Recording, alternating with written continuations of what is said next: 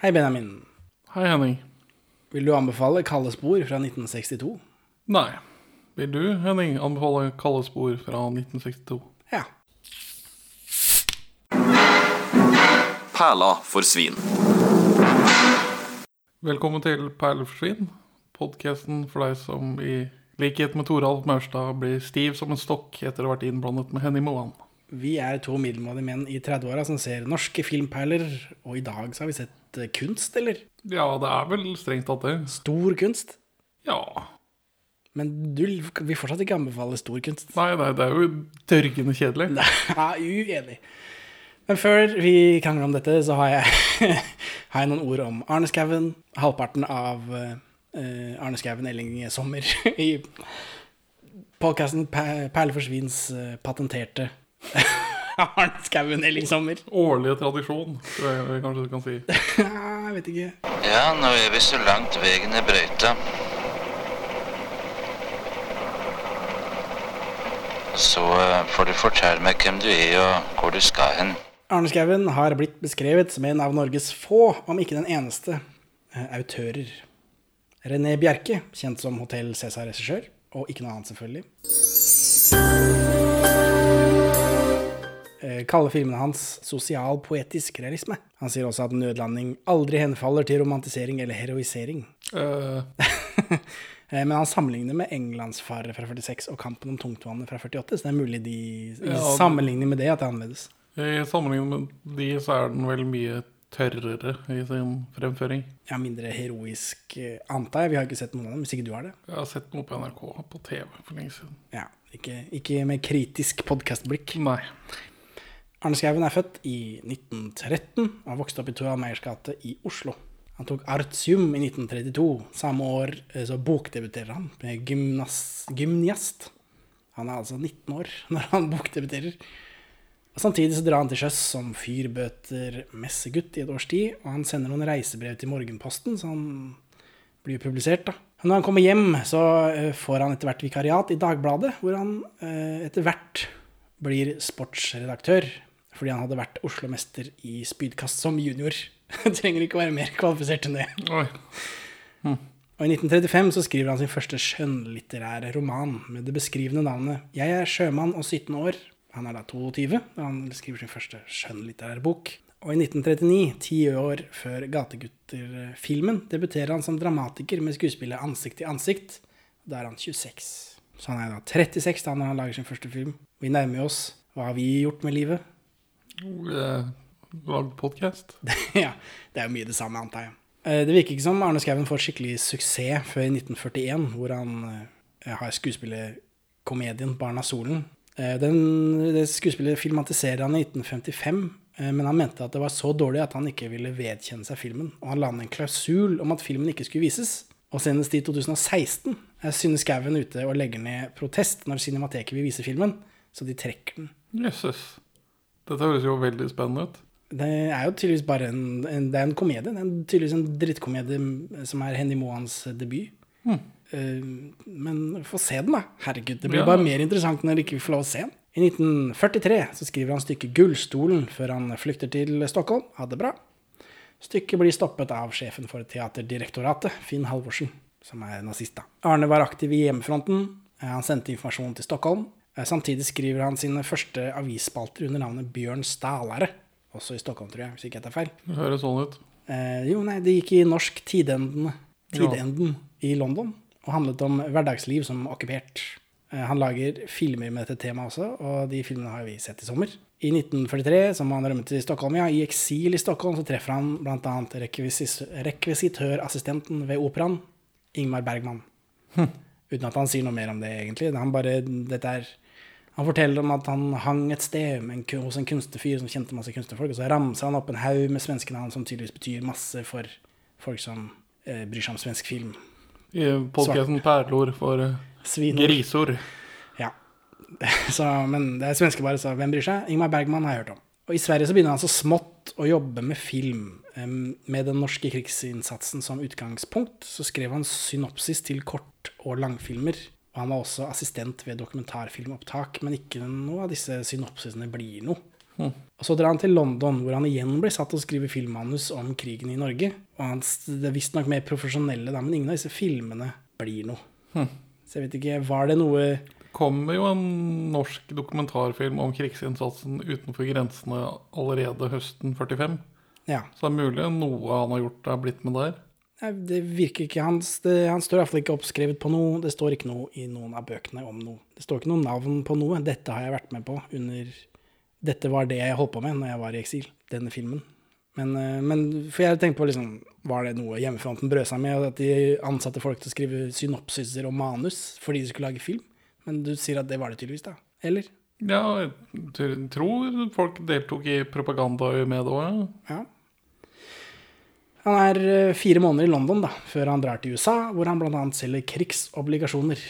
Ikke personlig, da, men han du- dukker opp eh, på sånne store gallaer og representerer det okkuperte Norge. På sånne dyre middager. Mens han jobber som presseattaché der borte, så treffer han Sigrid Undset.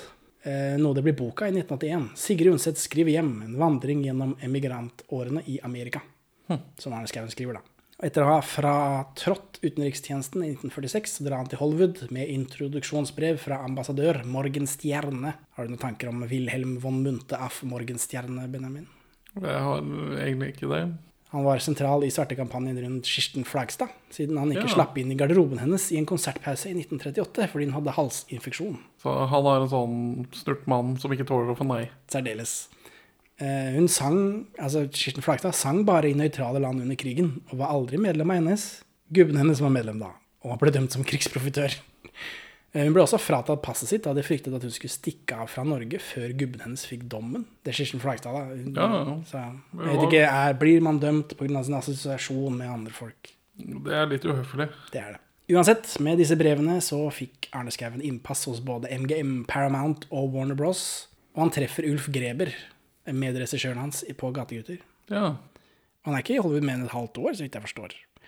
Og så svinger han innom New Yorks teatermiljø, eh, hvor han deltar på en av Edvin Piscators workshops. Eh, Og det han lærer der, bruker han årevis på å avlære, sier han selv. Så altså, Piscator og Berthold Brecht pionerer episk teater. Og Wikipedia sier episk teater er en teaterform som har som mål å synliggjøre de samfunnsmessige motsetningene og vise at verden kan forandres. Denne teaterformen ble utviklet av den tyske dramatikeren Berthold Brecht, som i Tolvskillingsoperaen. Vi er ikke interessert i stemningen, men i det som skjer. Sitat Berthold Brecht. Så, men hvem bryr seg om teater, egentlig? Det er bare, ingen. Arne Skouen drev med det også. Og han eh, var tydeligvis misfornøyd med det han lærte på dette, siden han måtte avlære seg det. Skouen kommer hjem til Norge igjen i 1946, og han slutter i Dagbladet og starter i VG. Han skriver boka 'Gategutter' i 1948. Det er vanskelig å bli regissør i Norge, som du vet. Arne Skouen blir oppringt av kinodirektør i Oslo og formann i styret i Norsk Film AS, Kristoffer Aamodt, og bedt om å møte på hans kontor. Skouen møter opp, og Aamodt har boka 'Gategutter' klar. Han sier at de skal lage film av den, og Arne må skrive manus, og han må også regissere.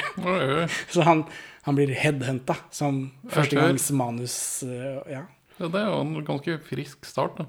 ja, men altså Han skriver sin første bok da han er 19, han har holdt på i Dagbladet, i VG liksom. det, det virker som han er kjent. Han er jo kjent som duer. Ja. Ehm, så, men han, Arne går med på det, da, som vi vet. Eh, Den samme Aamodt blir senere så sint på Skauen fordi han ikke lot Norsk Film Ice produsere 'Det brenner i natt', selv om Skauen påpeker at det samme produksjonsselskapet, Norsk Film Ice, hadde avvist akkurat den filmen. Eh, Så Aamodts siste ord til Skauen noensinne var 'kjøss meg i ræva'. så, Friskt. Så sånn er det, da. Det er, eh, I gamle dager så tror jeg man kunne ha sånne menn som bare bestemte ting. Ja, det, det, vil- det vil jeg tro. Tidlig på 50-tallet så skriver Arne Skouen reportasjer om hvor dårlig det står til på norske barnehjem, som ender i boka 'Bare om barn' i 1959. I 1950 så får han datteren Synne, som spiller i flere av filmene hans. Og i 1954 så får han en datter med autisme som jeg ikke klarer å finne navnet på. Kanskje Hege eller Tina. Ja, jeg, jeg prøvde vel å grave i det en gang, jeg òg, uten å få noe reelt svar på det. Ja. Mellom 1963 og 66 så lager han Tilla-trilogien om barn med atferdsproblemer, og i 1966 så utgir han pamfletten 'Rettferd for de handikappede', et foreldresynspunkt på velferdsstat og samfunnsmoral. Den aksjonen som fulgte med denne pamfletten eh, med samme navn da, som Blekka, regner han som det viktigste tiltaket han har vært med på. Det, gitt tidspunktet så høres det ut som et rimelig viktig bidrag. Ja, han starter en pressgruppe for psykisk utviklingshemmede. Det er hans ord da, fra gamle dager. Eh, psykisk utviklingshemmedes barns rettigheter. Eh, og han blir straks angrepet av høyst profesjonelle, som han sier, veldedige organisasjoner. Så her er et sitat Arne Skouen fra Hverdag og visjon, er redigert av Simen Skjønberg. Det er vel fra intervjudelen som Simen Skjønberg har skrevet også. På tre år lærte jeg en masse om norsk samfunnsliv. Det besto av en idyllisk allianse mellom politikerne og den organiserte veldedigheten som sa til politikerne overlat de handikappede til oss, vi skal stelle med dem. Lykkelig over å slippe ansvaret avspiste politikerne de handikappede med grovt utilstrekkelige bevilgninger fordi veldedighetens basis var basar og lykkehjul og almisser. Dette var etablert holdning i samfunnet vårt for snaue 20 år siden. Boka er fra 1983, så det var på 60-tallet da. Og det var denne holdningen aksjonen, med stor A, det er min, det er min det er med Stora. Aksjonen, gikk til kamp mot, og den vant vi. Sitat slutt. Rått. Så, og så var han spaltist i VG i tolv år. Han skrev romaner, han skrev krimbøker under navnet Aksel Barre. Skuespill, reisebøker, debattbøker. Eh, han regisserte 17 filmer, skrev de fleste av dem, vel, bortsett fra to, tre. Etter hvert så syntes han ikke at han kunne bruke filmen som medium lenger, at den sosiale kampen han kjempet, gjorde seg bedre gjennom journalistikken. Derfor bestemte han at Ann-Margrit skulle bli den siste filmen hans. Så sitat 'Hvis den ble en suksess'. Å ja, vi vil slutte Go Out With A Bang. Yes. Så da ble det 17 filmer da på 20 år. Eh, I 1986 så får han Amandas ærespris, og i 1994 så holder han eh, åpningstalen når Norges filmhøgskole på Lillehammer ble åpnet. Ja. Også i 1994 så er han eh, den eldste akkrediterte journalisten under vinter-OL på Lillehammer. Eh, og i 1936 så var han den yngste registrerte medarbeideren ved vinter-OL i Garmisch-Partenkirchen og sommer-OL i Berlin. Og så får han Fritt Ord-prisen i, prisen i 1996, og så dør han i 2003. Arne Skreven sa det er den største synden jeg har begått som journalist. Hva er det han snakker om, tror du? ja, det vet jeg ikke. Terningkastet på filmanmeldelser. Ja, det er det hans oppfinnelse. Ja. Eh, Han, eh, Skreven mener også han gjorde rede for sin oppvekst med gategutter da, fra 1949. Ja, for han var født i 1917. Eh, 1913. 1913, ja, for det er på 20-tallet jeg fant mest henvisninger til faktisk gateguttbander i Oslo. Ja, Tora Meyers gate. Han sier at han jobbet for NRK under krigen, men han er også en kort tur innom London, da, som vi snakker om, hvor han jobber for BBC i radioen. Og han er en av de som sier 'Dette er London, nyhetene i kveld'. Og så er han jo mm, Han var jo gift da med dattera til stemmen fra London, som vi nevnte i Omringet. Og Arne Skouen mener at 'Kalde spor' kanskje er den beste filmen han har laget. Det kan jeg tro på. For dette føles som en, eh, en overregissert film, er det det du tenker på? Nei, den har, men den har høyere kvalitet enn det andre vi har sett. Sånn gjennomgående. Men så, så blir det veldig mye kammerdrama, da. Men, Det eh, blir veldig teater. men action, action, action i filmen på, inn, skjer på innsiden av karakterene, Benjamin. Ja, Eh, Som vi nevnte i Omringet, så eh, driver Arne Skouen også og lager kulturfilmer, disse små, som, fyller foran, som kommer foran filmene på kino for at han skal spare noen penger i luksusskatt. Og det fulgte også en kulturfilm regissert Arne Skouen med denne filmen. 'Smaragder og skrot' het den, og den blir beskrevet av Gunnar Iversen som citat, 'kanskje den aller enkleste av Skauens kortfilmer'. Slutt. Den handler om en gutt, Eilif, som ønsker å bli geolog, og som finner en smaragd rundt en smaragdgruve som er nedlagt i 1909 ved Mjøsa. Så drar han hjem og fortsetter å lete i andre steiner der. Så. Og siden jeg vet du lurer, Norges eneste, og faktisk Nord-Europas eneste, smaragdforekomst, smaragdgruven Eidsvoll. Eidsvoll. Eh, Den totale utstrekningen der er ca. 300 meter. Det finnes tolv gruveganger, og den lengste er ca. 80 meter. Og du kan dra og besøke dem. De har egen nettside og greier. Jeg vil dra litt med hakker, kjenner jeg. Jeg- De klarte ikke å finne noe på hvor mye de faktisk tok ut. Nei, Det blir jo noen kubikk med stein, da, med hvor mye liksom, smaragder fikk de? Hvem vet? Det er det jeg hadde på bakgrunn, og på Arne Skouen, som i en biografi strengt tatt burde tatt i nødlanding, men da hadde jeg ikke lest ferdig bøkene. Vi har en liten biografi i, i Gategutter også, tror jeg, hvis ikke jeg husker feil. Men jeg ville, ville utvide litt. jeg føler meg veldig kjent med Arne Skouen nå. Det er bra. Han høres litt arbeidsnarkoman ut. Altså, han har mange Han hatt, han har hatt mange jern i ilden opp igjennom. Jeg tok denne turen fordi jeg trodde du skulle til Stein, men den er vi forbi, og du ba meg et stans. Nå vet jeg ikke hva jeg skal tro. Filmarkivet, som vi snakker om ofte, som jeg snakker om ofte, der er det sånn abonnementstjeneste hvor du får med masse filmer for 40 kroner i måneden. Men denne filmen her må jeg leie i tillegg. Ja, Må betale 40 kroner ekstra. Jeg la merke til det. Betyr det at den er bedre enn de andre? Den hever seg over rælet? Fordi nødlanding og omringet og Det vir- kan jo være litt sånn. Mesteparten av den resten av Arne Skauens oeuvre følger med i abonnementet, bare. Men dette var en veldig høy kvalitetstransfer fra film til digitalt. Ja, men dette er vel den første filmen du ser på Filmarkivet, er ikke det? Alle de andre har du sett på YouTube. Jeg har sett utdrag, og jeg får se den fulle kvaliteten da. Så det kan hende at de har lagt litt mer penger i å overføre akkurat denne, fordi den er så god. Kanskje. Jeg vet ikke. Jeg antar det betyr at den er bedre.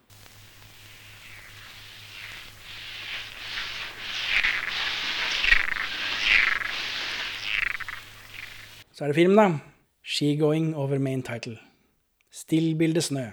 Skiknirking. Knirking fra folk som går på i kram snø. Ikke noe tekst. Folk går i hjørnet. Det er veldig stemningsfullt Det er det. Lyden av ski. hele tida. Lenge. Det er en lyd som kommer til å forfølge oss gjennom hele filmen. Så er det brått klipp til en snøplog, da. Etter en stund med dette. Så det så skikkelig sånn noir-shot. Veldig hvor Tora Mærstad liksom sitter i skyggen i bilen der. Du ser ikke, at han sitter, ser ikke ansiktet hans, han sitter bakerst i bilen. Det er et bilde på at han har vært lenge borte fra Norge, og nå trer ut av skyggen og inn i lyset igjen. Er det det? Han virker jo ganske mørk hele veien, spør du meg. Ja, ja, men han, han, han er i hvert fall ikke i Australia lenger. Det er sant. Eh, Vi snakker mer om Toralvs liv og levne i episode 67 av podkasten, Fant del 1. Kan ikke anbefale noen å høre om Fant, men akkurat den biografibiten om Tora Mærstad kan man gjerne høre. Har Arne Skouen ny cinematograf på den filmen her? Det cinematografer bryr meg ikke noe om. For dette er helt klart det den peneste filmen hans så langt. Ja, nei, det vet jeg ikke. Ikke tenkt noe på. Dette er vel kanskje den filmen med flest pene shots vi har sett så langt, til og med. Det var mye pene shots i Ni liv også, da. Den var bare utrolig kjedelig. Ja, Det er mye sånn fjellshots som det er her. ja, men det var hakket penere utført her.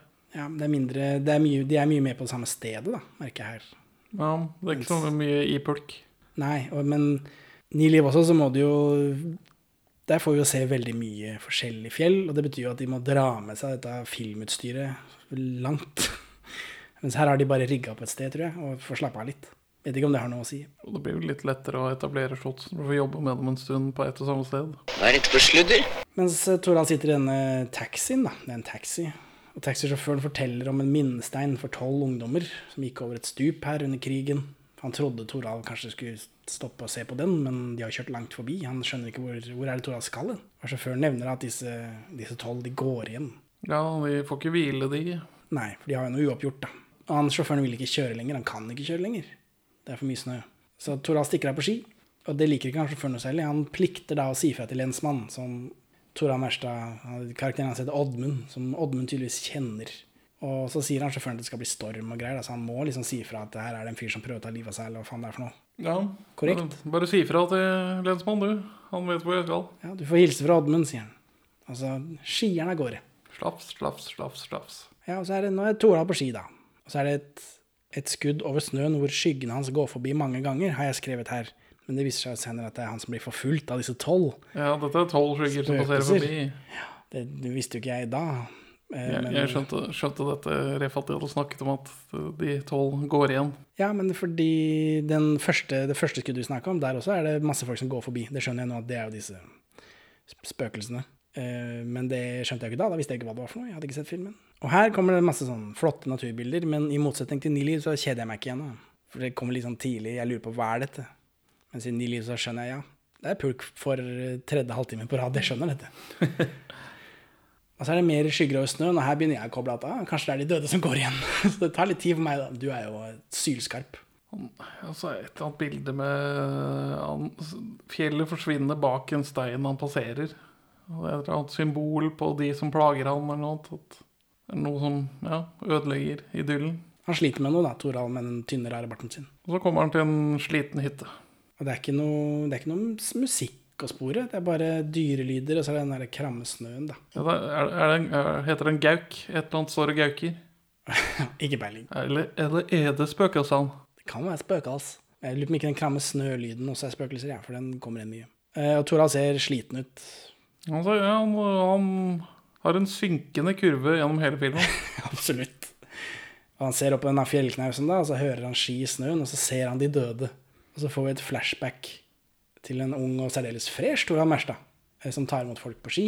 Og nå uten bart. Ja, og han røyker Han er, han er flottere på håret, han røyker en skikkelig sånn klabbedasj-pipe. Og her får vi vite da at en av disse er bare 15 år, og det er tydeligvis eh, det er noe som eh, plager Torald senere i filmen. For nåtids-Torald ser spøkelser på åskammen, og han går imot dem. Men de blir borte, og så plutselig er det full storm, da. Så han liksom han, det er tydelig at han sliter med noe. Han får krabba seg tilbake til hytta, og han ler som en gærning for at disse spøkelsene de får ikke tatt den nå. Ikke ennå. Han har, det er mer uoppgjort. Ja. Så klipper vi til ned i bygda, og der har vi Henny Moan igjen og Alf Mallan igjen. De er fortsatt et par på tredje filmen nå. ja. Tredje Arne Skouen, krigsfilmen. Eh, de i pakkesekken. Eh, det er Alf Mallan da, som er denne lensmannen, og Henny Moan er kona hans, tydeligvis. Eh, de snakker om Toralv, at han har vært i Australia i 15 år. De, og vi får se at de har barn. Lever et lykkelig samliv, tydeligvis.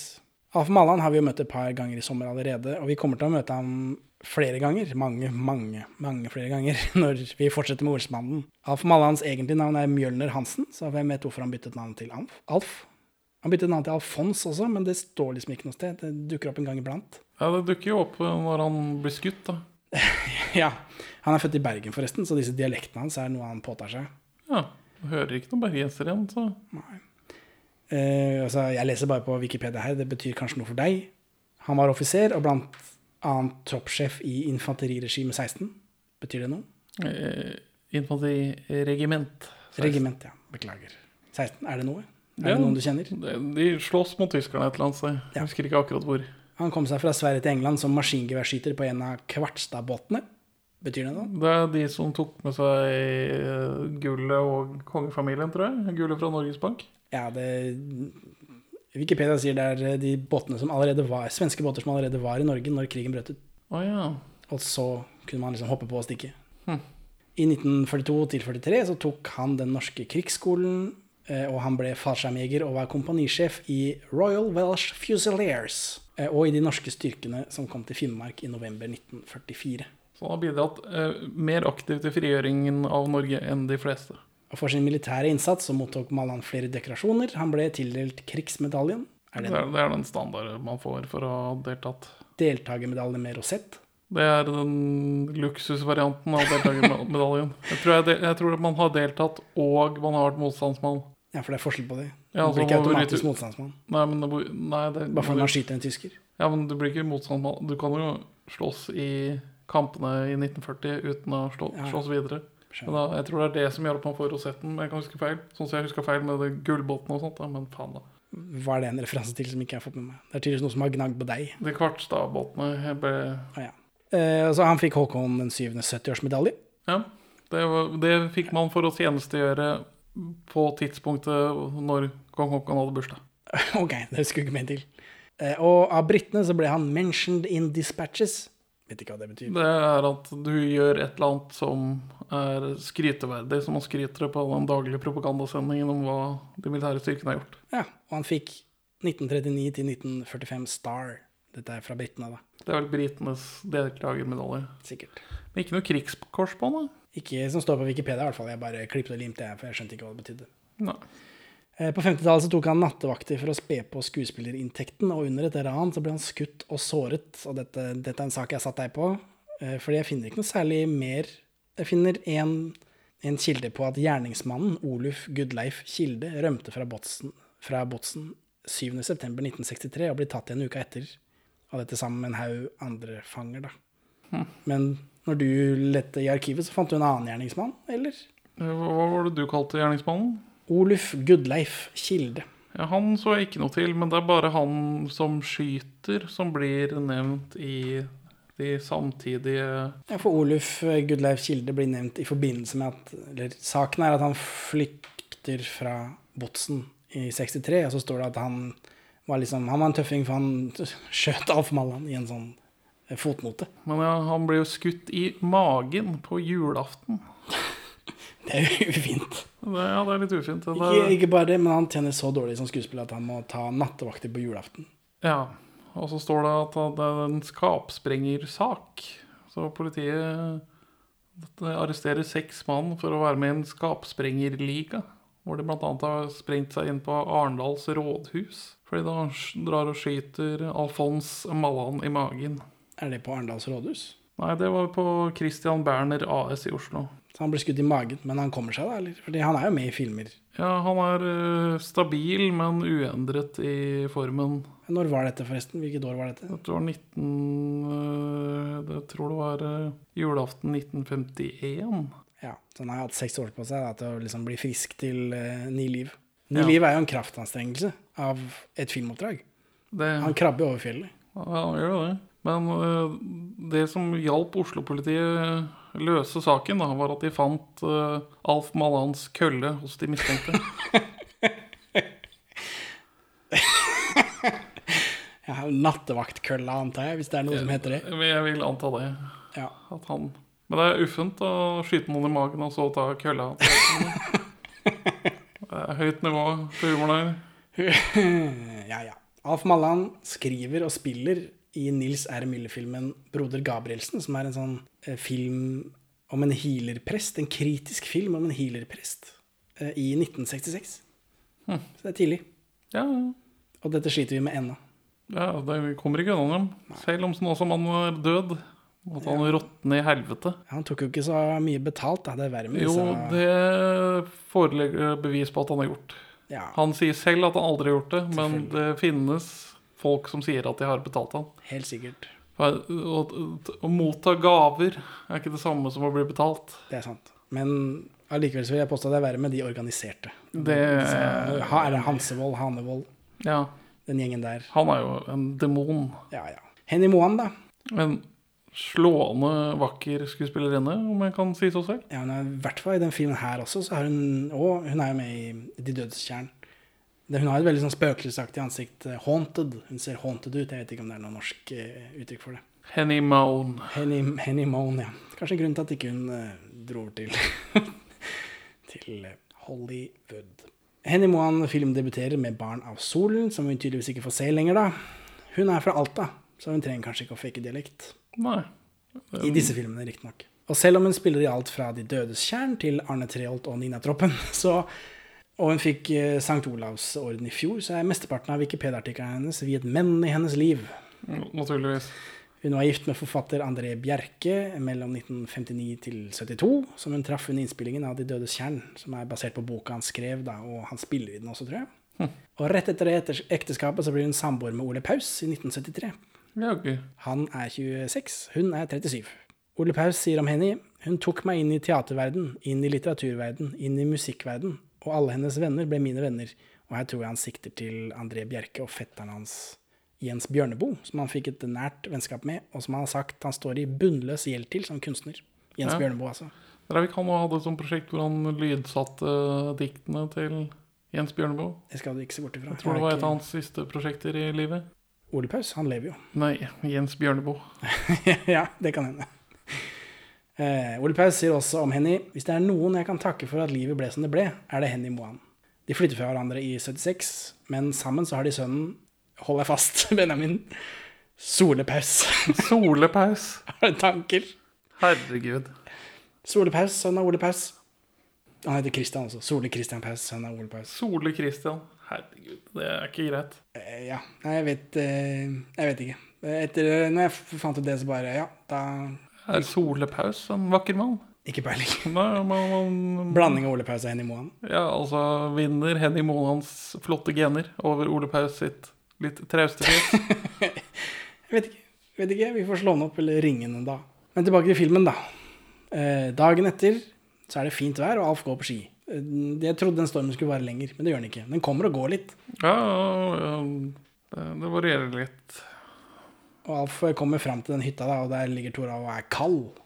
Og Alf strekker ut hånda til Toralv, men Toralv vil ikke ha han. Og så Alf skal jo prøve å få med Toralv ned i byen, da. For han, han er jo hyggelig fyr, tydeligvis, da, men Toralv vil ikke være med. Han vil at lensmannen skal ta seg av tilståelsen hans i den hytta. For nå begynner han å legge ut en sånn slags tilståelse. Han tilstår en forbrytelse begått i februar 1944, hvor han forvoldte tolv menneskers død. Han tilstår vel Ja. I, I Omringet så mener jeg vel at Per kanskje er den dårligste skuespilleren. Om ikke, Han er ikke superdårlig, men den, det er dumt at hovedkarakteren er liksom den dårligste skuespilleren. Og det føles litt sånn her også. Det er synd å si det om min beste venn Tora Merstad. Syns du det?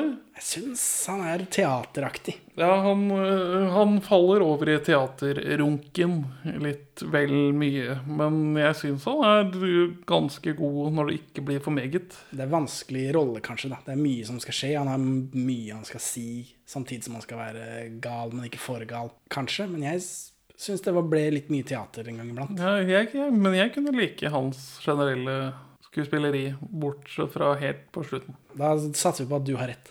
Jeg tror Al tilstår kriminell uaktsomhet da han forsinket det siste følget to dager. Altså det siste følget han skulle ta over. For han har tydeligvis vært los da, Ja. over fjellet der. Og de tolv døde. De gikk over et stup, var vel det drosjesjåføren sa. Ja. Og Toral mistenker at lensmannen er grunnen til at han ble forsinka. Mhm. Fordi Torav og følget her vent, venter i to dager på Henny Moan, som skal komme en annen Eller hvorfor hun Hey, oi, nummer 13. Ulykke. Mer symbolikk. Det blir ikke sagt direkte ut. Hun blir jo nummer 14, da, men det er tolv stykker og Toralv Merstad. Ja, men Tor Almerstad er jo den som frakter det. da. Skjønner. Han teller ikke. OK. Det er bare godset som teller. Ja. Dette er siste turen til Toralv Merstad. Han skal være med eh, til Sverige. Og han skal ha med Henny er til England. De tar vel båten til England den gangen her. hvor enn det er. alle, Ut av Norge. Alle typer ruter skal være med her. Ja, ut av Norge. Og han skal ha med Henny Moan fordi de er kjærester. Sånn er det. Og Henny Moan kommer to dager forsinka. Og Tora Merstad mistenker at det er lensmann eh, Alf Moan som er grunnen til at hun er to dager forsinket. At han sa ifra til henne to dager for sent. For at han ville stjele henne som den eiendelen hun er. Ja, men det kommer ikke fram da, gjør det det? Nei, ikke helt. Det kommer så vidt til. For her er jeg litt sånn eh, Her lurer jeg på hva som skjer. Jeg er forvirra. Her er det mye Er det det trekantdrama? Er det ikke trekantdrama? Ja, det er mye informasjon som legges på meg i form av stiv teatertilståelse. Ja. Sånn fake eh, rettssakspråk som han Tora Merstad svinger over i her. Ja. Det er, ikke, det er jo ikke hans skyld, det, er, det står i manus, regner jeg med, men, eh, Men det, det, det var mye for meg å ta inn. Det er det, som, det er det som er hovedproblemet mitt med filmen, er at måten den har dosert ut informasjonen i dramaet, kommer litt sånn rart i løpet av filmen. Altså Det er visse avsløringer som man burde holdt på til siste slutt. Men her er det sånn Nei, vi har delt opp i tre deler. Jeg syns de kom helt greit. Nå tar det litt tid før jeg liksom får grep om situasjonen, og så får jeg det. Og så snur de situasjonen et par ganger senere. Twist and turns, sånn som man lager en spennende film, spør du meg, da. Men Alf sier at Tor- Toralv bør dra.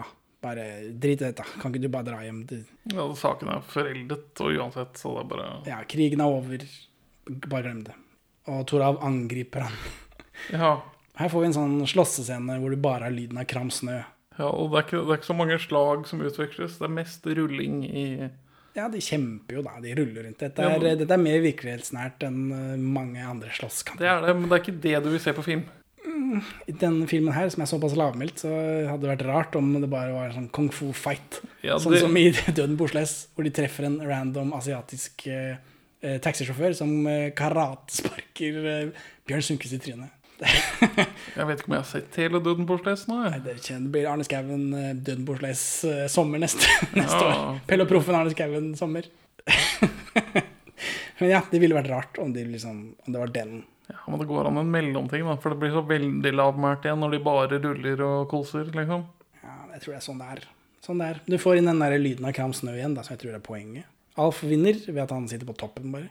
Ja, han ender Men han har en skade i fjeset, Toralv. Ja, de har jo baska litt, da. Han har blod i munnviken, som er sånn man ser at nå har det vært basking. Alf sier at Toralv Toral må, må la Henny være i fred. Ja. Og så går han vel. Og Toralv Mørstad sitter i hytta der, da, og så flasher han tilbake igjen til dette, dette følget som vil dra. Nå vil de dra. Når de venter i to døgn, de er lei av å vente, de vil dra. Og Toralf vil ikke at de skal gå. Eh, Han vil ikke peke ut kursen for dem. For at de skal finne veien selv, eller? Hva, eller hva er dette? Nei, han har jo makta, da, ved at han er den eneste som veit hvor man skal gå. Ja, men kunne ikke, Hvis han forteller de du må gå den veien der, sånn, så betyr ikke det at de ikke han kan gå etter. Nei, men han vil ikke kunne hjelpe de i samme grad, i hvert fall ikke nå som været har blitt så mye dårligere. Nei, men, han, men de vil jo gå. Ja, men Han vil ikke gå. han vil ikke gå Det løses jo lett ved at han forteller hvor de skal gå. han bryr seg om henne. Hvis hun er utrygg i Norge, så vil jo han ha henne med. Ja, ja. Og hvis han også skal dra over, så er det liksom siste sjansen å få henne med til sikkerhet. ja. Og her så ser vi aldri ansiktet på de tolv. Nei, På sånn, De har hetta nede, de står i skyggen. Det er, det bare er ett øye syns. Ja, det, dette, dette er godt, godt håndverk. Det, stemningen settes på deres liksom mørke i Ja, for dette er jo spøkelser i Toralf Maurstads hode. Men så kommer Henny Maurstad hun kollapser inn i hytta i stormen. Og her sier Toralf da at dette er hans siste tur. Og så sier han 'Jeg vet hva dere tror', sier han til følget. Hva betyr det? Hva tror de? De tror vel at uh, hun som har kommet, ikke er til å stole på. At hun kommer sent for å sabotere det ved at tyskerne vil ha anledning til å innhente dem. Ja, Det kan hende. Jeg forsto ikke helt hva det skulle være. Jeg følte ikke at det spilte noen rolle senere heller. Uh, og så er det nåtid igjen, da Henny kommer opp til Toral. Han er bevisstløs, og hun vekker han til live med kaffe. Så driver hun og kysser han, og her skjønner vi liksom at her er, eh, er ikke du gift med en annen fyr, men eh, her er det noe, her er det noe gammelt grums. Ja, Og Tora vil ha tilgivelse, han ber om tilgivelse. Og Henny sier at alt er glemt, hun er ferdig med det. Eh, og hun sier at Torald ikke har skyld, han visste jo ikke Og så sier, han ikke, sier hun ikke hva han ikke visste. Så det vet jo ikke vi heller, da. Og her kommer det en, en scene hvor Torald har feber, og han, vi ser på denne minnesteinen. Og Torald er klin kokos bananas, han ser ikke bra ut. Han vil ha med Henny til steinen, men hun tør ikke, for hun går ikke i fjellet mer. Så hun har tydeligvis tatt skade av denne opplevelsen under krigen, hun også. Men så neste scene er Torald som er ved den steinen som er snødd ned, den minnesteinen. Og han driver og graver seg ned til alle navnene. Navn for navn. Altså, I det shotet så sitter Henny Moan litt sånn kollapset i snøen eh, og er trist å se på, mens Torald Merstad leser disse navnene høyt. Dette, dette også er noe. Dette er effektivt. Eller? Ja, det, det fungerer på noe vis, men ja. Og så er Henny bare Hun kommer seg på beina og stikker, da. Og så stikker hun, og så angrer hun seg når hun har kommet til stykket, og så kommer hun tilbake igjen. Og da sitter Toran i, i hullet sitt, som er, det er ganske langt ned. ja, det er en høy bauta. Eh, og han har svimet av, tror jeg. Og i bunnen der så står det at det er de beste som dør. Sitat av Noral Grieg. Mm. Og Henny hopper nedi, og så er det noe kyssing og klemming igjen. Ja, er dette moralsk innenfor i 1962? Jeg vet ikke, det er jo Blurred Lines som Ja. heter blant, blant disse tre hele veien. Men skulle jo tro skulle jo tro at hun hadde bestemt seg nå, da, siden hun har barn med Alf Mallan og greier. Men kanskje det bare var fordi hun dro til Australia? Ja, Det virker som han, han drar til England da i 1944, og så drar han rett til Australia etter krigen er over. Ja. Er, det, er hun sammen med Er Henny Mohan sammen med Alf Malan av mangel på Toran Maurstad? Er han en placeholder til Truan Mærstad kommer sveipende inn i livet hennes igjen og klin kokos bananas og skyter og, og graver og griner? Ser spøkelser. Jeg vet ikke helt. Du, hva, hva tror du? Syns hun virker litt uh, ambiguøs. Ja, jeg, jeg tror det er mer det at det er en sånn De er en sånn trio med eh, litt sånn uh, grøtete bakgrunn. Grøtete forhistorie, og alt dette bare glir sammen. Og at det har egentlig ikke så mye å si. Disse 15 årene som har gått, er plutselig borte. Ja. Fordi nå er de sammen igjen, og de har det vanskelig igjen. Føles det som, for meg, da. Jeg, Skal vi snakke, snakke litt om symbolikk? kjør på. Hytten er fortiden. Ja, det er disse spøkelsesmennene også. Ja, jeg, jeg vet det, men altså selve hytten representerer fortiden. Altså, vi har etterlevninger fra den, men vi har liksom ikke hele Hele fortiden er ikke tilgjengelig. Ja, for den hytta i flashback er en ordentlig hytte. Hytta nå er halvveis kollapset, den døra er helt vracka. Det er mye Vi har mye av det, det skuddet, det, The Searchers-skuddet. The Searchers med John Wayne, hvor han går Hvor hele skuddet er rammet inn av dørkarmen. Ja. Og John Wayne går gjennom. Det er mye den dørkarmen. Men døra er gått stykker, så er det et slags kors som henger igjen. Det er mye greier. Ja, for det, det, det som henger inn av døra, den døra er liksom porten inn i fortiden. Det er liksom, det er ofte når de går gjennom der, eller ser gjennom den, at man blir transportert tilbake i tid da, i et flashback. Det er vel det at Torald Maurstad kommer tilbake og går gjennom den døra, som liksom starter det virkelige, de virkelige tilbakeblikkene. Ja, det er da du får disse flashbacksene, men han Du har jo noen hint i spøkelsene før det òg. Ja, når han er på vei. At det, det virker som han bærer disse med seg. Han er tynget av skyldfølelse. Det sier han jo senere også. At han har hatt det med seg hele veien. Selv i, liksom, i bushen i Australia så hører han den der kramme, knirke, eh, ski på snø-lyden. Eller i Victoria-ørkenen, en fu- en fugl som høres også helt lik ut som en ski. Ja, han har jo flyktet da fra disse spøkelsene som han har over seg. Men som én ting skauen er opptatt av, er liksom å legemliggjøre de døde. Altså, Vi ser dem som regel i skygger, men vi ser dem òg i avstand som gruppe. Ja. Og det, men det er jo en, en, sånn gjengående greie fra Ni liv, da. ja, hva tenker du på når han ser seg selv? Ja, han ser seg selv, men han ser jo også de andre som falt i det oppdraget han var på. Er han, heter? er han den tolvte mann? Ja, det, jeg, det husker ikke jeg. Men jeg husker viser jo alle de som går forbi. Altså. Ja, men det er ikke de som har falt, det er de som har hjulpet ham på veien. Ja, det, jeg tror du ser de som har falt også. Ja, det kan hende, men, men- men de har også hjulpet ham på veien, tydeligvis. da, ikke sant? Det husker jeg ikke om det var, de var med der også, men de som, det gravfølget i Ni liv er de som har hjulpet ham på veien. Det holder ikke for Skeven å bare ha de i bakgrunnen som ideer. Han må vise, han må gi de form. Ja, de er veldig til stede, men også selv når, du, når de ikke er skygger, så er det jo silhuetter. Du ser jo ikke, de er jo svarte. Som skygger. Bli her, Oddmund. Du orker ikke gå dit nå. Og steinene snødd ned om vinteren. Er den det? Det var fint planlagt. Hver vinter sner de ned. Om igjen og om igjen. Alf Mallan pakker sekken ned i bygda, og mora hans er der også, eh, sånn ganske uten grunn. Noe sånn meningsløst poetisk om fortiden og døde og levende. Ja, men Henny har ikke sagt til noen at hun drar. Altså, mora, mora sier at Alf må akte seg for de levende og de døde. Og så tenkte jeg, er dette enda et tilfelle av sladrende eldre, sånn som i Ni liv? At hun liksom vet at disse tolv At han har en slags skyld i det. Men vi, får jo ikke noe, vi ser ikke noe mora noe mer, så det kan være samme faen. Alf drar i hvert fall. Nå er vi tilbake i hytta, og nå er det Henny som har flashback. Og her får vi se ansiktet da på den der gutten som er 15. Og gutten lurer på hvorfor hun kom for sent, og hun vet ikke, sier hun. Det var fint vær helt til hun ble forsinka, og gutten har ingen igjen hjemme, så han må liksom dra. Så det er, det er harde, harde greier. Og så er det nåtid. Og da går Henny ut av hytta, og så flasher hun til gjengen som går i snøstorm. Så nå får vi se liksom at de drar, da. De drar når Henny kommer, selv om de er to dager for sent, og det er drittvær. De går i snøstorm, og Henny faller ifra. Hun blir sakket akterut. Men Torald, da, som er i, i front, han er jo los, han leder jo. Han kom reddende, snur, husht, rett tilbake til Henny. Og nå gir han de andre kursen, og så sender han de i forveien. Det er en veldig lite eh, spesifikk kurs. Ja, det er den veien der. Gå vest, sørvest, gå sakte i forveien. Ja, for det, jeg tror tanken hans er at dere kan gå der, og så kommer jeg og tar dere igjen. Og så tar vi resten. Men, men det skjer jo ikke da. For denne gjengen sliter i stormen, de er kledd i mørkt. Torald Merstad, Henny Moan er kledd i hvitt. Snøkammo, som du kjenner igjen, regner jeg med. Ja, kjenner igjen det. Og så kommer Alf Mallan, uten at jeg har fått forklart hvorfor han også kommer. Ja, det vet vi ikke, men han er kanskje på sjekk om hun har kommet frem i det hele tatt, da. Jeg vet ikke. Han kommer Henny og Torald i møte, og så tar han Henny liksom opp under armen fordi hun har litt trøbbel. Og så skal Torald gå etter denne gjengen med flyktninger, som er jobben hans.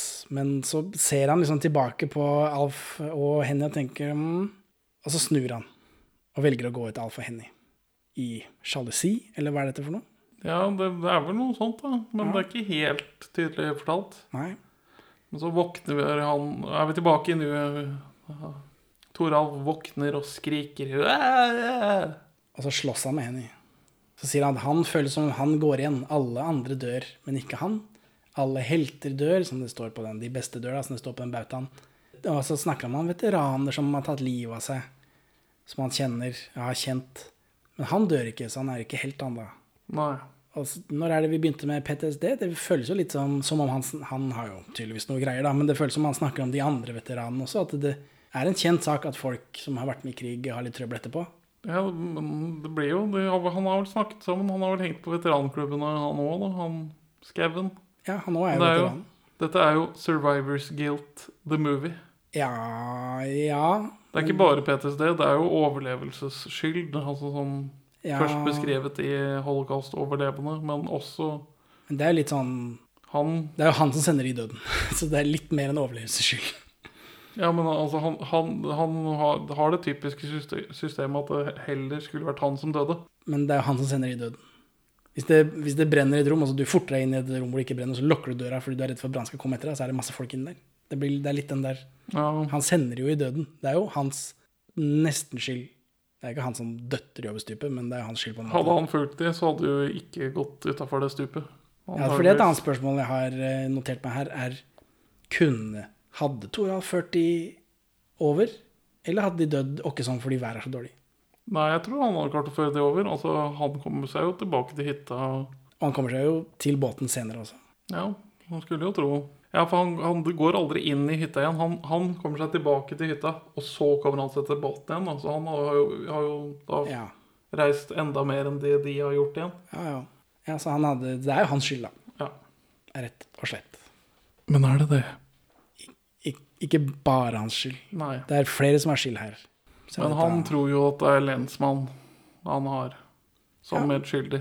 Ja, fordi han, Tora Merstad, tror at Alf Mallan har holdt igjen Henny fordi han vil ha Henny. Men det er ikke det som har skjedd. Henny Moan har forsinket seg selv fordi hun visste ikke om hun ville, ville hun egentlig være med Tora Maurstad eh, og dra med han. Er det, hun var revet i seg selv, forstår jeg. Ja. Jeg vet ikke om, om det var bare var til, om hun var revet til og fra Tora Maurstad, eller om hun var revet mellom Tora og Alf. Det virker jo som det er det det må ha vært, da. Siden han kommer etter henne for å ta henne imot. Eller vi vet jo ikke hvorfor han kommer, da, men det virker jo, siden de ender opp sammen, med at han hadde en interesse i henne. Det, men det kom ikke fram før eh, hakket senere her. Fordi nå Toral vil ha detaljer om hvordan de fant de døde. Og Henny løper ut i forferdelse, og da kommer Alf i det fjerne. Ja, for det blir et sånt poeng at uh, han vil finne ut når de ble funnet og sånt. Og det viser seg å være at de først ble smelta frem i mai 45. Ja. Og at uh, det er del av grunnen til at det er liksom ikke kjent Eller Torald Maurstad er husket som en krigshelt. Eller folk er kry av han. ja, fordi folk i byen, i bygda, vet ikke at Toral var med på den siste turen. Jeg tror ikke liksom, de vet den siste turen eksisterer i det hele tatt, før de liksom kommer frem. Henny Moan og Alf Mallan har jo også eh, ikke skrytt av denne turen. Så, så det er ingen som vet at Toral Maurstad var med på dette. Og han har jo bare dratt uten å snakke med noen. Og før dette så følte han, førte han jo folk over fjellet hele tida. Var flink gutt. Så, men dette blir et sånt mikrokosmos av liksom, norsk krigshistorie. Altså den derre med de tingene som ikke passer inn når krigen først er over. Altså, det, det er ikke det man eh, fremhever i Ettertid. Nei. Og så begynner man å kalle eh, Alf Malan for en tjuvradd. Ja, for her begynner det å komme fram, da, at liksom, han mener at Alf Malan har stjålet henne fra han. Og han beskylder da, Alf, det har han gjort før også, for å sende henne to dager for sent. Så Toralv og følget skulle ha gått før hun kom frem, så han kunne få henne for seg selv, altså Alf. Det er det som han, Toralv beskylder henne for, men for han hadde vel ikke hadde ikke regna med at han skulle vente i to dager, da, mener Toralv. Nei. Og nå som alt er sagt, så vil Toralv dra. Nå føler han han har lettet Ja. sitt hjerte. Han vil ut, og jeg antar ta livet av seg selv. Ja, han sier at eh, nå har jeg gjort det jeg ville. Jeg har sagt at jeg elsker henne. har gjort det. Et eller annet, et eller annet om det. Ja. Og så virker det som det blir mer hovedpoenget eh, i en stakket stund enn å ha et oppgjør for den forbrytelsen. Jeg følte ikke noe på det. Nei, jeg jeg syns det var litt sånn rart tonalt med resten av filmen. Ja. Kjærlighet som hoveddrama fremfor disse tolv døde.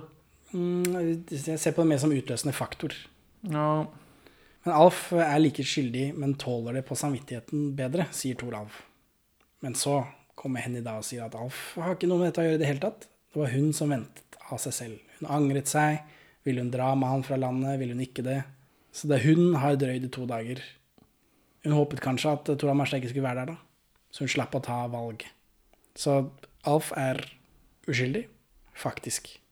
Så jeg vet ikke om Alf Mallan visste dette fra før. Siden han har sagt at du må la henne være i fred. At han bare har tatt det på seg som sterk eh, motstandsmann som han er. han har vel unngått å snakke noe om det, egentlig. Så jeg, jeg tror ikke det var helt tydelig at Alf Mallan vet jo at han ikke har holdt tilbake Henny. Så, men Alf vil ha med Toran ned. Og da setter eh, Henny Moan setter ned foten og sier Alf, det er du som må sende, gå ned i byen og hente hjelp. Eh, og Alf gjør dette. Han gir henne en gunner før han drar. Sånn i tilfelle. Og Henny sier at hun bare er farlig for seg selv. Og så går vel Alf av gårde da. Men før han liksom kommer for langt, så kommer Toralv ut av hytta, så lurer han på om Alf så han utafor hytta den gangen. Om Alf visste at det er hans skyld at alle de døde. Ja. Og Alf sier han var ikke sikker før de fant likene. Jeg vet ikke hvilken betydning det hadde. Nei, det blir jo For nå, nå har skylden i en, en stakkars stund flyttet seg over til Henny.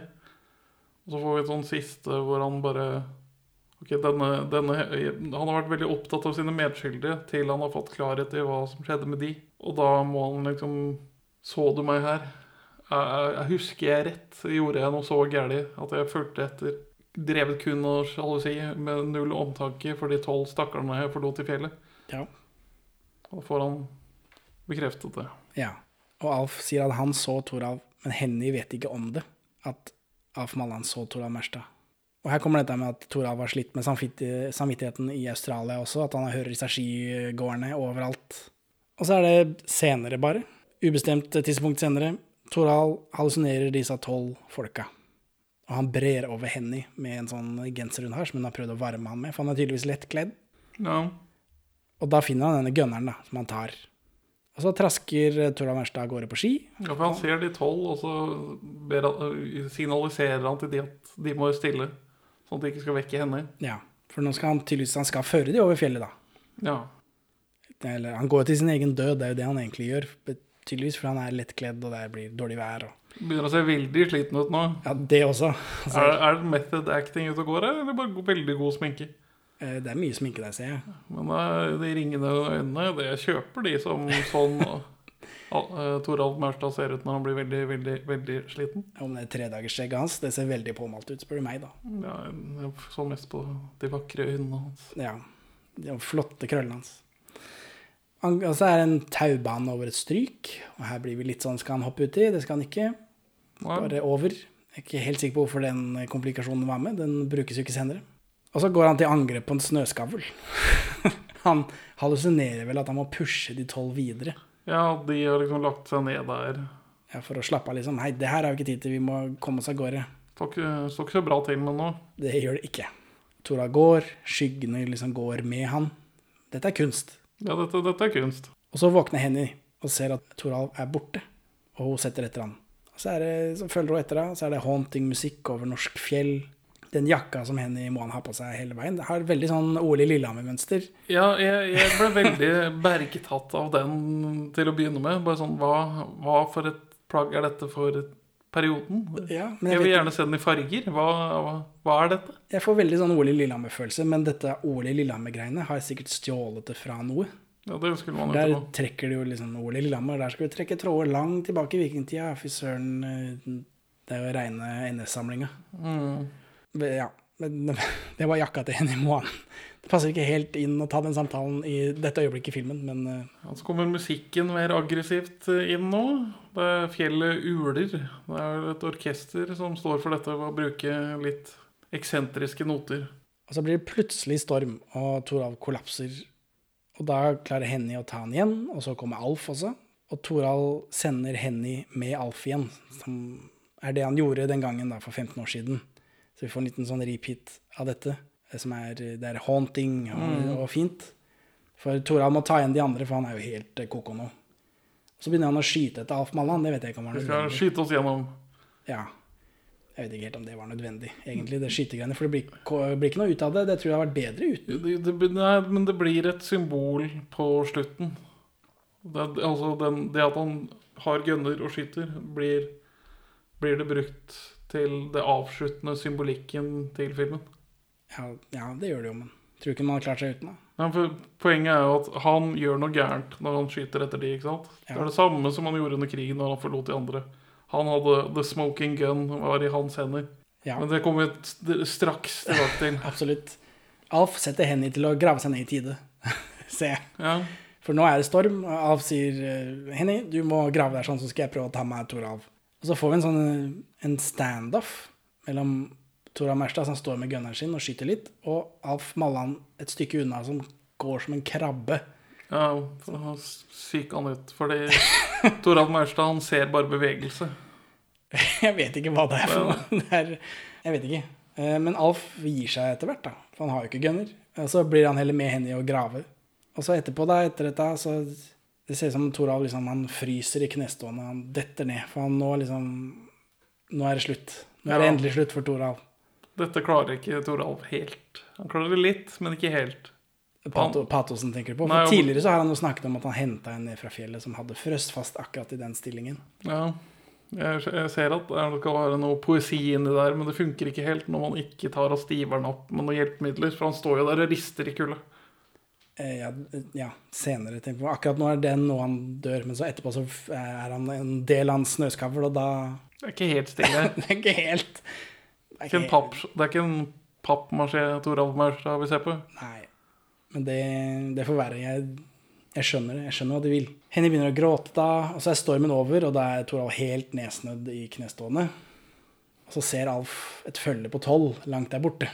Men denne gangen så er det hjelpen da, som han har tatt med seg. Nå kommer de med kjelken trekkende. Ja. Men heldigvis ser vi at det nærmer seg slutt på filmen, så det blir ikke noen pulksekvens her.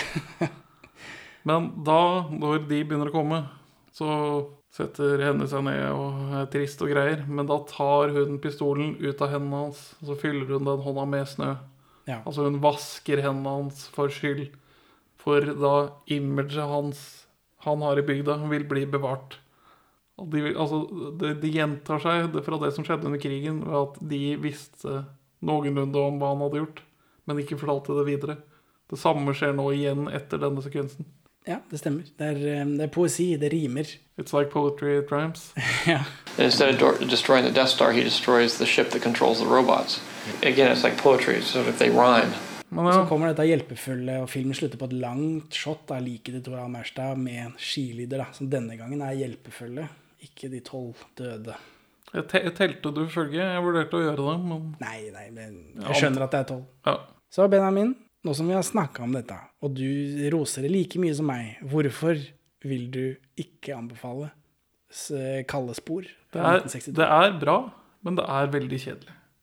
Er Det det blir en sånn film som bare er interessant film historisk sett. Men dette er jo ordentlig. Det, det rimer.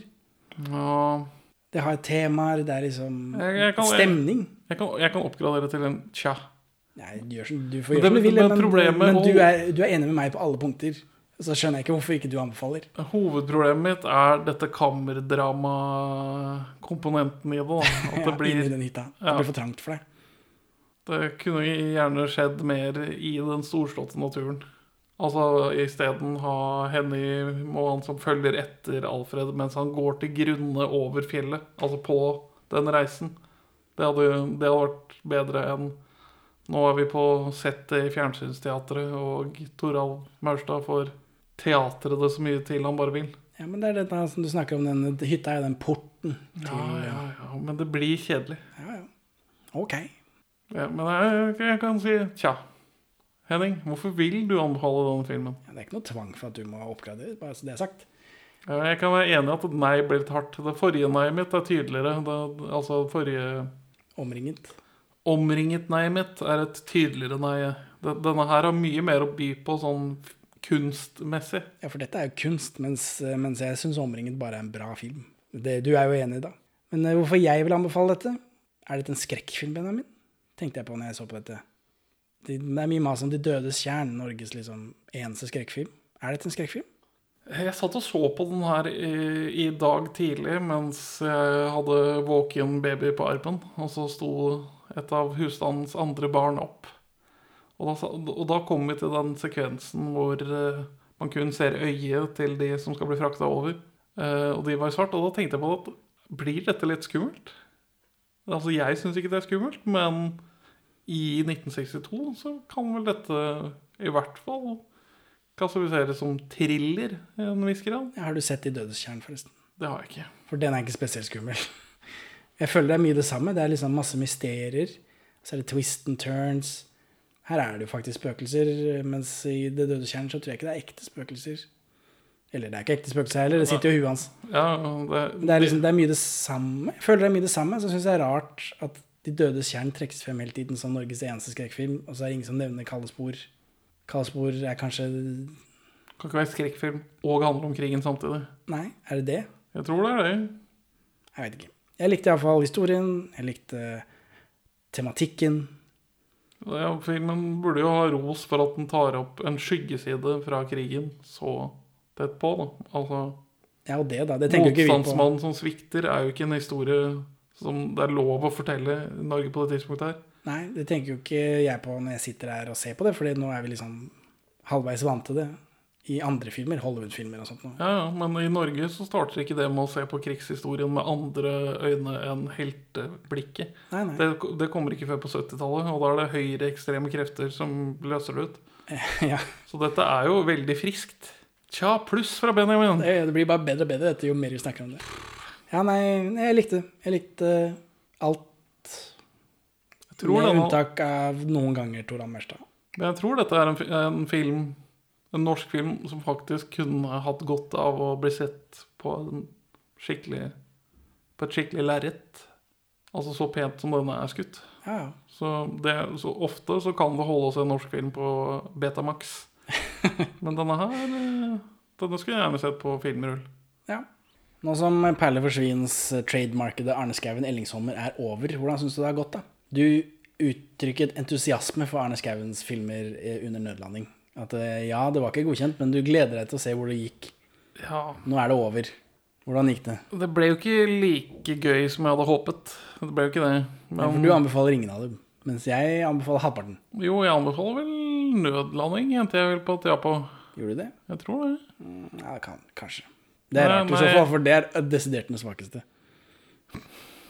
Nei, jeg er ikke, jeg er, jeg er ikke spesielt entusiastisk. Jeg er ikke det. Nei. Nei.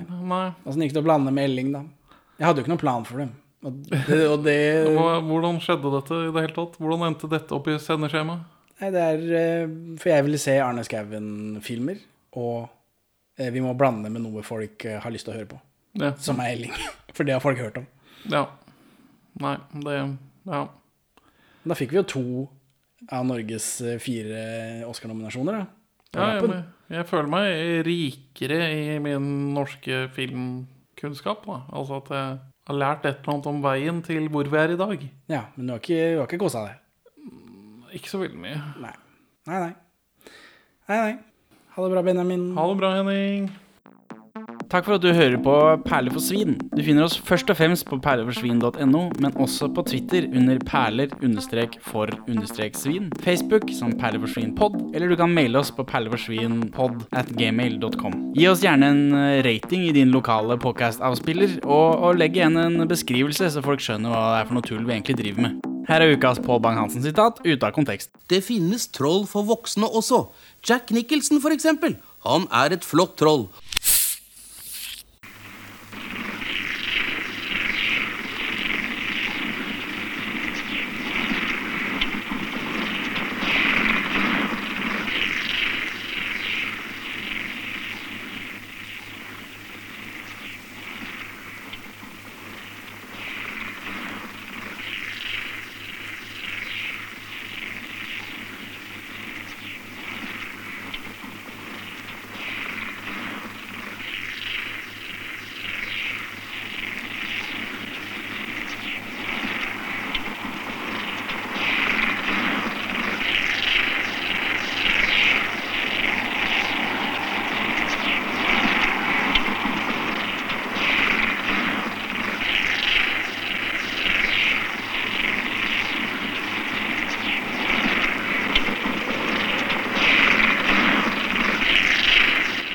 Velkommen til Perleskinn, podkasten for deg som vil rimme Henny Moan etter en lang skitur.